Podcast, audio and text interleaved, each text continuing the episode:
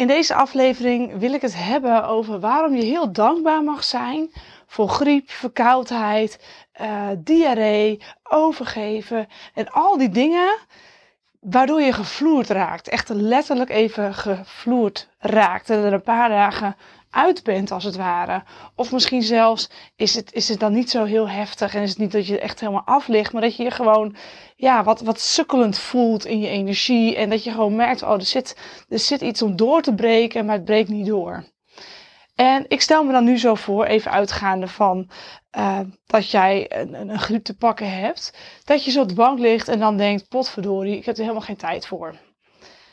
Ik heb geen tijd hiervoor, het komt me niet uit. Ik wil gewoon aan het werk. Ik heb nog dicht dingen te doen. En ik heb eigenlijk geen tijd om het nu rustig aan te doen.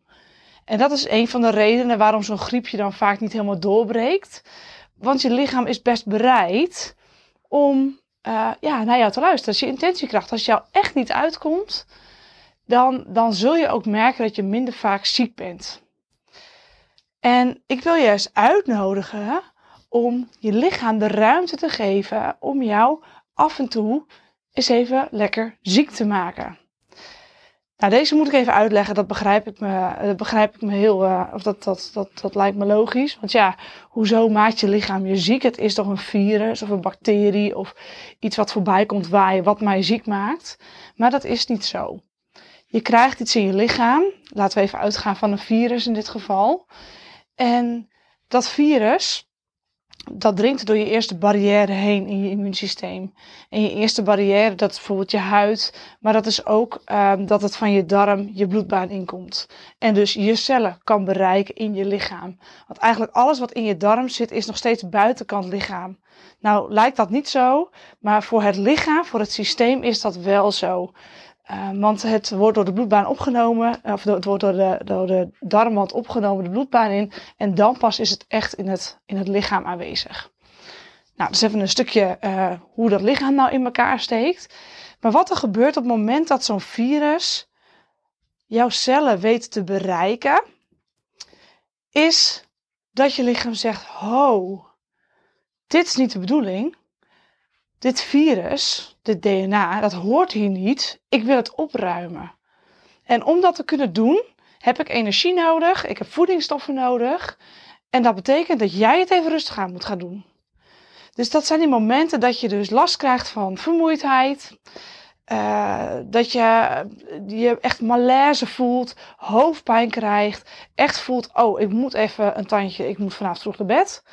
Je voelt echt een, niet een, een chronische vermoeidheid, maar je voelt echt zo'n zo'n slap gevoel. Uh, ja, de energie is op, want dat gaat allemaal naar je immuunsysteem. Dus je immuunsysteem maakt je ziek. En dat gaat ook voor koorts bijvoorbeeld. Dat is niet dat virus dat dat doet. Nee, dat is het immuunsysteem dat zegt: oké, dit virus kan niet goed overleven in een warme omgeving. Dus ik ga de lichaamstemperatuur verhogen, zodat ik dat virus beter kan bestrijden. Allemaal trucjes die je lichaam heeft, die het immuunsysteem heeft, om jou te laten overleven als het ware. Om ervoor te zorgen dat dat virus vervolgens uit je lichaam gewerkt wordt. Nou, dat is de fysieke kant. Waarom moet je daar dan dankbaar voor zijn? het is natuurlijk niet alleen maar een kwestie van, nou dan, nu overleef je het. Nee, dat is een kwestie van, het is voor je lichaam meteen een, hele goed, een heel goed moment om op te ruimen. Dus niet alleen dat virus wordt eruit gewerkt. Nee, ook wat er nog meer in die cellen verstopt ligt aan afvalstoffen bijvoorbeeld. Maar ook energie wat jou niet meer dient, wordt eruit gewerkt. Nou, dat laatste kan heel goed de aanleiding zijn, is heel vaak de aanleiding waarom jij op dit moment dus griep of verkoudheid of diarree of wat dan ook hebt gekregen. Je bent iets aan het loslaten. Dit is de laatste fase van een proces. Dus op het moment dat jij mentaal, emotioneel blokkades hebt doorgewerkt, dan is dat moment daar dat dat ook fysiek uit je lichaam weg moet. Want ik heb het heel vaak over, in je lichaam zitten blokkades opgeslagen, die moet je weghalen. En als ze dan weg zijn, ja, dan kan die fysieke klacht oplossen. Nou, dat verdwijnt niet poef. Dat is niet dat die energie dan weg is. Nee, dat moet echt daadwerkelijk uit je lichaam gewerkt worden. En dat gebeurt dus tijdens griep, verkoudheid en aanverwante vervelende, uh, terugfluitende ziektes, het ziek zijn. Dus als jij af en toe eens even lekker ziek bent en één keer geen eetlust meer hebt, want daar is dan even geen energie voor om eten te verwerken. En je merkt dat je vooral wil slapen en vooral lekker wil luieren in bed. Geef je daar dan aan over en vertel je lichaam hoe dankbaar je bent dat hij voor jou aan het werk is. Om ook meteen al die andere shit op te lossen uit je lijf en eruit te voeren. En dat je het lichaam ook alle ruimte geeft om dat te doen. Wat ik nog wel zie gebeuren is dat er heel hard aan, aan jezelf gewerkt wordt. En, en, en heel veel persoonlijke ontwikkeling. Maar dat er eigenlijk geen tijd is om dat ook fysiek te verwerken. Waardoor al die oude energie nog in dat lichaam rond blijft hangen. En al die oude energie verstoort gewoon je cellen. En dan krijg je op den duur chronische, langdurige fysieke klachten. Die niet echt heel erg logisch terug te leiden zijn naar, oh, ik eh, ben over mijn grens heen gegaan. Nee, dan krijg je dat het als een soort van kaartenhuis een beetje in elkaar stort. En in allerlei vicieuze cirkels, het een na het ander, um, ja, in de problemen gaat komen. Nou, denk bijvoorbeeld hierbij, als ik even wat concreter ben, aan schildklier, schildklierproblemen. Stel je hebt een trage schildklier en daardoor heb je overgewicht.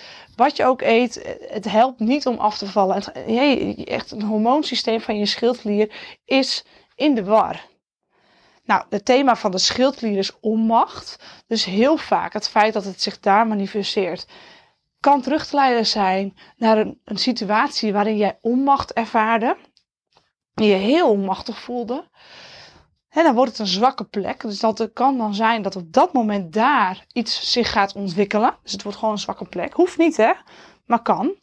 Um, en dat gaat zich ontwikkelen op het moment dat jij dus niet in samenwerking met je lichaam actie, ontspanning, actie, ontspanning aan het doen bent. Als je altijd in de actie bent, te weinig echt ontspanning, te weinig je lichaam de ruimte geeft om ook op te ruimen, dan hopen andere oude energieën die jij al lang en breed hebt doorgewerkt zich ook op op die zwakke plekken. En dan krijg je dus op een gegeven moment dat je meerdere fysieke klachten aan het verzamelen bent. En dat het zich achter elkaar door, ja, zichtbaar maakt in je lijf, maar dat jij je vinger er niet weet op te leggen. En dan kun je prachtig ook het boek bijvoorbeeld van Christiane Beerland erop naslaan, de sleutel tot zelfbevrijding, waarin je die fysieke klacht dan opzoekt. En dan denk je, ah ja, hier, ken ik, hier herken ik wel wat in. Nou, dan werk je dat door, maar dan, dan ben je het nog steeds niet kwijt, omdat je ook nog niet terug bent gegaan tot die kern waar het nou ooit begonnen is. En je hebt alles wat je onderweg in al die persoonlijke ontwikkeling hebt gedaan, niet losgelaten uit je lichaam omdat daar simpelweg geen tijd of geen capaciteit voor is geweest. Want je immuunsysteem moet het ook nog goed doen in dit, in dit hele verhaal.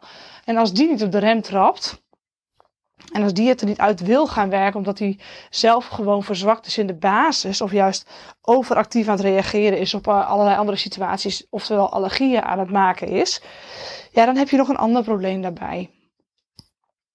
Dus samenvattend, twee, drie, vier keer per jaar echt even goed verkouden zijn, grieperig zijn, je niet lekker voelen, een paar dagen rustig aandoen, goud waard.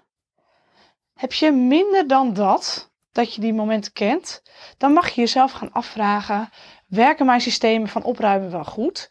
En geef ik toe aan mijn lichaam op het moment dat mijn lichaam dat vraagt. Dus neem ik die rust als mijn lichaam het eigenlijk een beetje begint aan te geven. En dus ook werken mijn systemen wel goed, waardoor ik wel überhaupt die griep lekker kan, kan, kan eruit kan werken. En want als dat dus niet gebeurt, dan heb je kans dat het ook nog allerlei virussen in je lichaam zich beginnen op te slaan, op te hopen. En dat geeft dan ook weer allerlei fysieke klachten. Nou, zoals je misschien wel hoort trouwens, is mijn stem uh, nu uh, ook herstellende. Ik heb zelf, uh, zo kwam ik ook heel goed op dit onderwerp, afgelopen week ineens ja, verkouden. Niet eens echt ziek of zo, maar gewoon dat ik begon te hoesten. En ik weet met dat hoesten, dat gaat altijd over het loslaten van dingen rondom je uitspreken.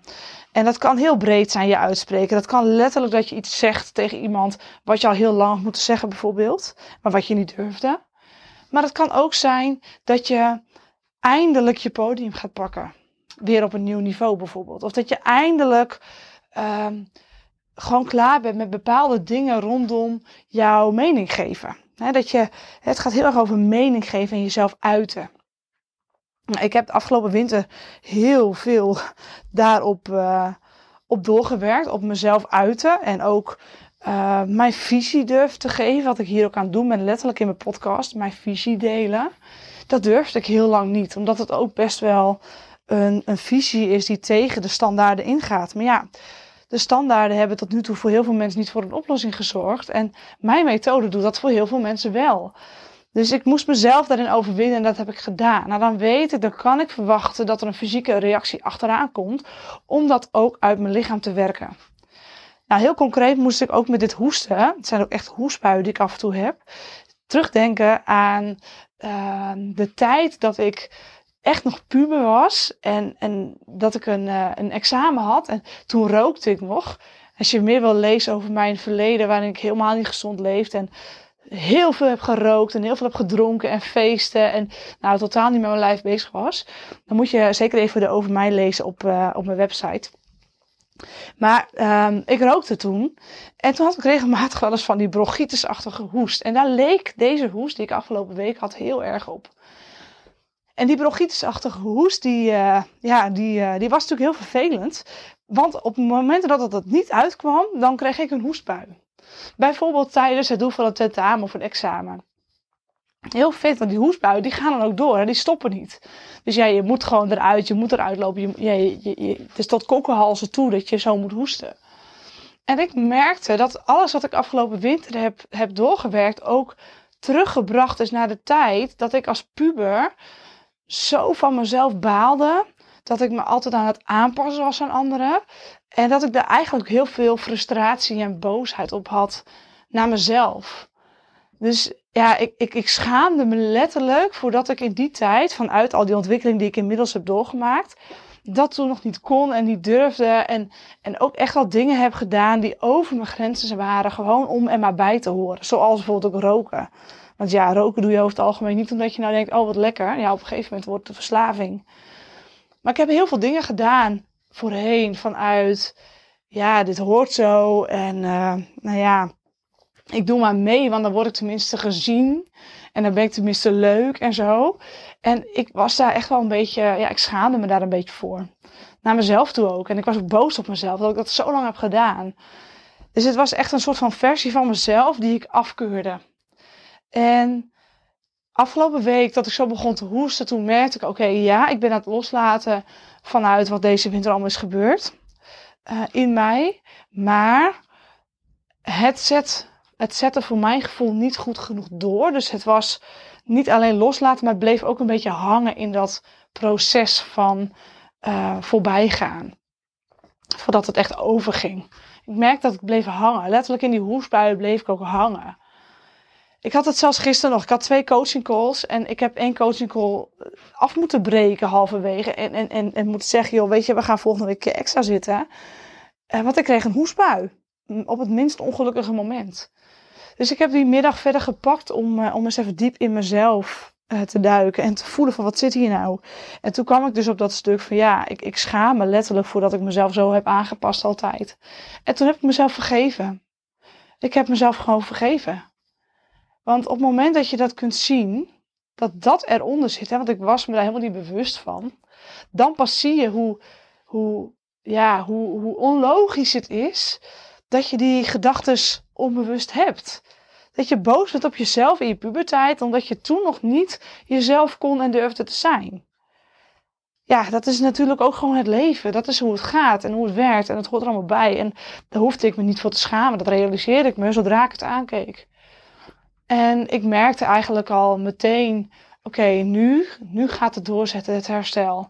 En mijn stem is nog niet terug, maar ik merk vandaag dat mijn hoestbuien zoveel minder zijn. Dat ik me veel lekkerder in mijn vel weer voel. En ook echt de behoefte voel juist om, om te delen, te vertellen. Dus ik ben aan het podcasten geslagen. Dus het kan zomaar zijn dat je de komende podcast uh, met een uh, stem gaat horen.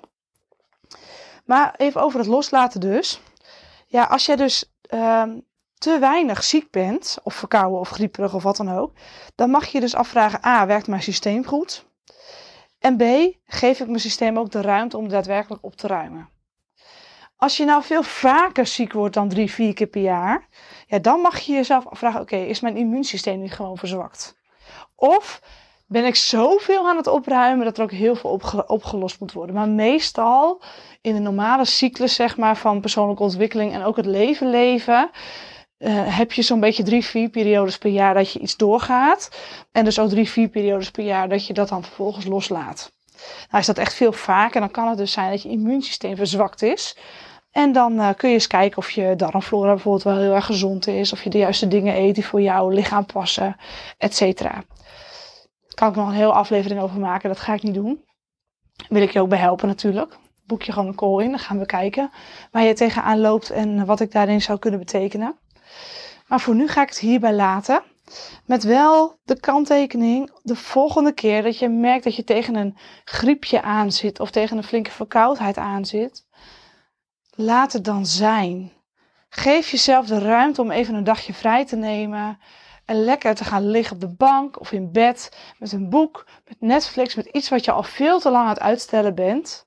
Want dan zul je echt merken dat je lichaam je heel dankbaar gaat zijn.